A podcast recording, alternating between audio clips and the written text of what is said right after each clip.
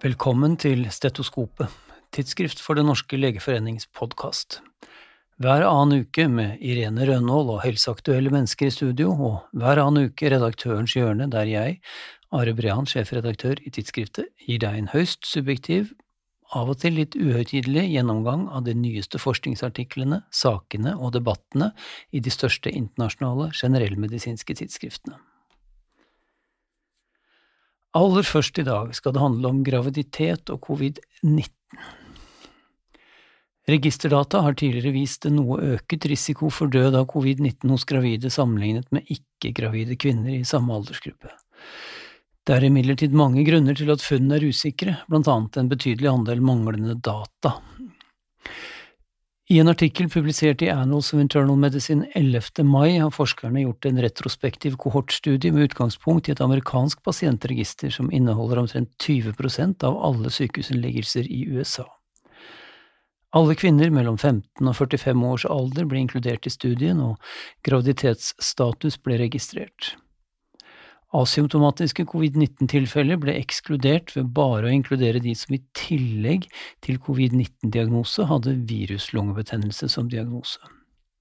1062 slike gravide ble funnet, de var i snitt yngre og hadde færre underliggende sykdommer enn de ikke-gravide i materialet. Dødeligheten var 0,8% blant de gravide og 3,5% blant de ikke-gravide. Blant de som var i behov av respirator under innleggelsen, var dødeligheten 8,6% hos de gravide og 31,4% blant de ikke-gravide. Nesten alle de gravide som døde, hadde en eller flere komorbide tilstander. Denne studien finner altså ingen økt dødelighet blant gravide med covid-19, men tvert imot en lavere dødelighet, men selvfølgelig med de åpenbare begrensninger som ligger i en slik studie også. Men hvordan er det så med barna til mødre som får covid-19 i svangerskapet, har de noen økt dødelighet eller sykelighet? Det har en studie fra Sverige sett på. Studien ble publisert i Yama 29. april.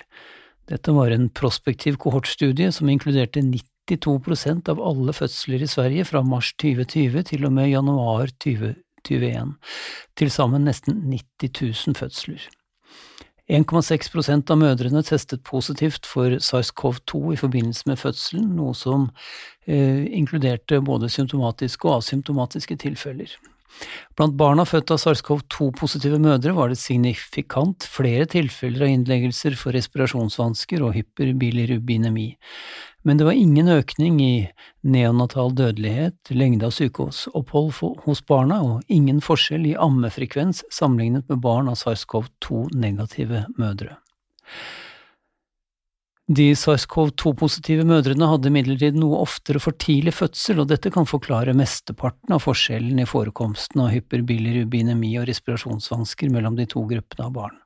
Konklusjonen altså er at det ikke ser ut til å være noen særlig økt risiko for fødselskomplikasjoner ved covid-19 hos mor, men en viss økt risiko for for tidlig fødsel, slik også en korresponderende leder i samme nummer av Yama peker på. Den samme lederartikkelen diskuterer etnisitet som en mulig bakenforliggende faktor, og etnisitet som risikofaktor for både forekomst av og forløp av covid-19 har vært mye debattert i det siste, både internasjonalt og i Norge, som belyst ved artikler blant annet i vårt eget tidsskrift. En stor observasjonsstudie publisert 8. mai i The Lancet har brukt data fra National Health Service, som dekker om lag 40% av befolkningen i England, i et forsøk på å kvantifisere etniske forskjeller i sykdomsforløp hos eh, SARS-CoV-2-positive individer. 17 millioner individer ble inkludert. Risikoen for å teste positivt for SARS-CoV-2 var høyere hos alle andre etniske grupper enn hvite. Det var også risikoen for både sykehusinnleggelse, intensivbehandling og død ved covid-19. Disse økte risikoene besto selv etter korrigering for en lang rekke forhold knyttet til både sosiodemografi, klinisk status og faktorer som boligstørrelse og andre husholdningsfaktorer. Hva årsaken til disse forskjellene er, kan selvsagt ikke avsløres i en slik studie, men forfatterne selv peker på sannsynlig sammensatte årsaker, blant annet knyttet til strukturell diskriminering, altså faktorer som i liten grad lar seg kontrollere for i en slik studie. Og apropos risikofaktorer, en nylig studie i The Lancet eh, Diabetes and Endocrinology har sett på sammenhengen mellom body mass index og forløpet av covid-19, også dette med data fra England. Studien inkluderte data fra 6,9 millioner pasienter.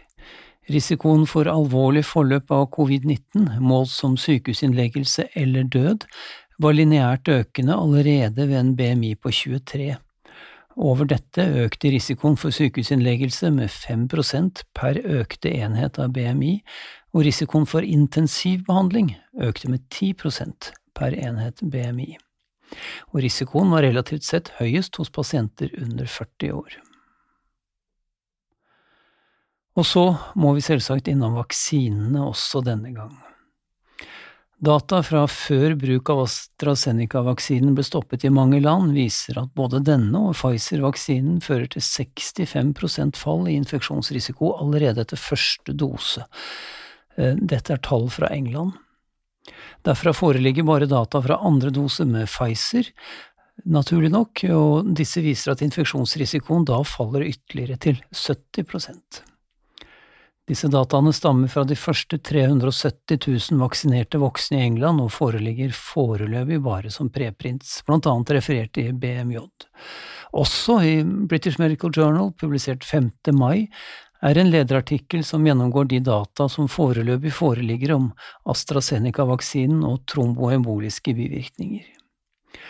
Utgangspunktet er selvsagt studien publisert i British Medical Journal samme, data, samme dato med danske og norske forfattere, og som undersøker forekomsten av tromboemboliske hendelser i Danmark og Norge de første 28 dager etter vaksinering med AstraZeneca-vaksinen. De til sammen 270 000 første vaksinerte med denne vaksinen i de to landene ble inkludert, og antallet faktiske hendelser ble sammenholdt med det statistisk forventede antallet hendelser i tilsvarende populasjon.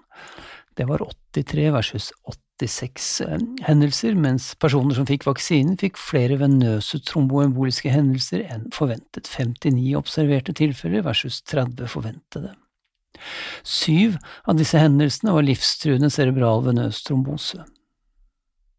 Syv tilfeller blant 281 264 vaksinerte i materialet er en lav absolutt rate, selvfølgelig, men allikevel 20 ganger den forventede frekvensen i befolkningen generelt. Det tilsvarer anslagsvis to og en halv ekstra tilfelle for hver 100 000 vaksinerte. Dette kan tolkes både betryggende og foruroligende, skriver Rafael Pereira og John Fletcher i den korresponderende lederartikkelen avhengig av hvilket perspektiv man anlegger.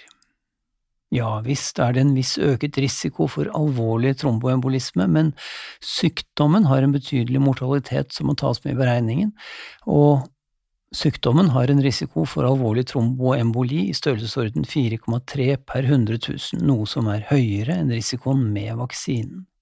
På den annen side blir det springende punktet hvor høy risikoen er med de andre vaksinene, som jo er alternativet, og som i alle fall foreløpig virker som tryggere alternativer. Vi vet alle hva norske helsemyndigheter har konkludert med så langt, og data fra de øvrige vaksinene vil forhåpentlig snarlig gi enda tydeligere svar. Indias covid-19-tragedie var tema i forrige Redaktørens hjørne. Siden da har tragedien bare vokst seg større dag for dag. Det er nå nærmere 40 000 nye daglige tilfeller i India, og de offisielle og sannsynlig grovt underestimerte dødstallene nærmer seg 250 000. Dette er tema for ukens lederartikkel skrevet av Kari Tveito i vårt eget tidsskrift, og denne uken har det også vært tema for lederartikler i både The Lancet, som gjengir estimater som tilsier at dødstallene kan stige til ufattelig én million i løpet av sommeren, og i British Medical Journal, der Kamran Abbasi minner oss om at Indias krise er vår alles krise. Å tolke pandemien som de andres krise skriver han, er nettopp feilen som gjorde de høye dødstallene også i USA og England mulige. Igjen, ingen er trygge før alle er trygge, som Jon Arne Røttingen skrev i vårt eget tidsskrift. Men i skyggen av India, Også på Gazastripen stiger smitten faretruende, skriver The Lancet denne uken. Situasjonen forverres betydelig av mangel på både medisiner og intensivplasser også der. Også WHO er svært bekymret for situasjonen. 53% av israelerne er vaksinert mot bare 3% av palestinerne. Som okkupant er Israel ansvarlig for også å vaksinere palestinere, mener menneskerettighetsgrupper, men Israel benekter dette. I tillegg kommer en betydelig vaksinemotstand i befolkningen, der noe over 50% på Gazastripen ikke vil ønske å bli vaksinert, ifølge en lokal undersøkelse. Og selv når det finnes medisinsk utstyr som oksygen for de rammede, gjør blokaden og de hyppige strømutkoblingene at utstyret ofte ikke kan benyttes. At også den militære spenningen øker i området, gjør ikke situasjonen bedre. Også FN er bekymret.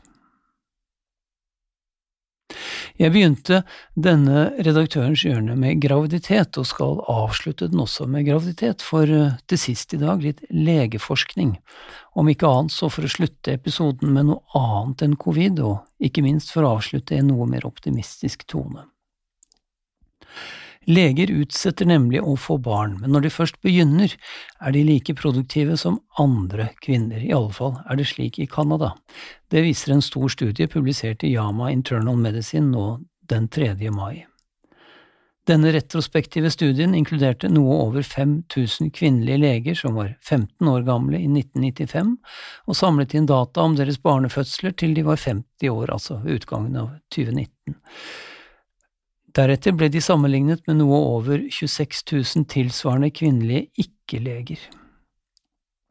Kumulativ insidens av barnefødsler var 5% ved 28,6 års alder hos leger og ved 19,4 års alder hos ikke-leger.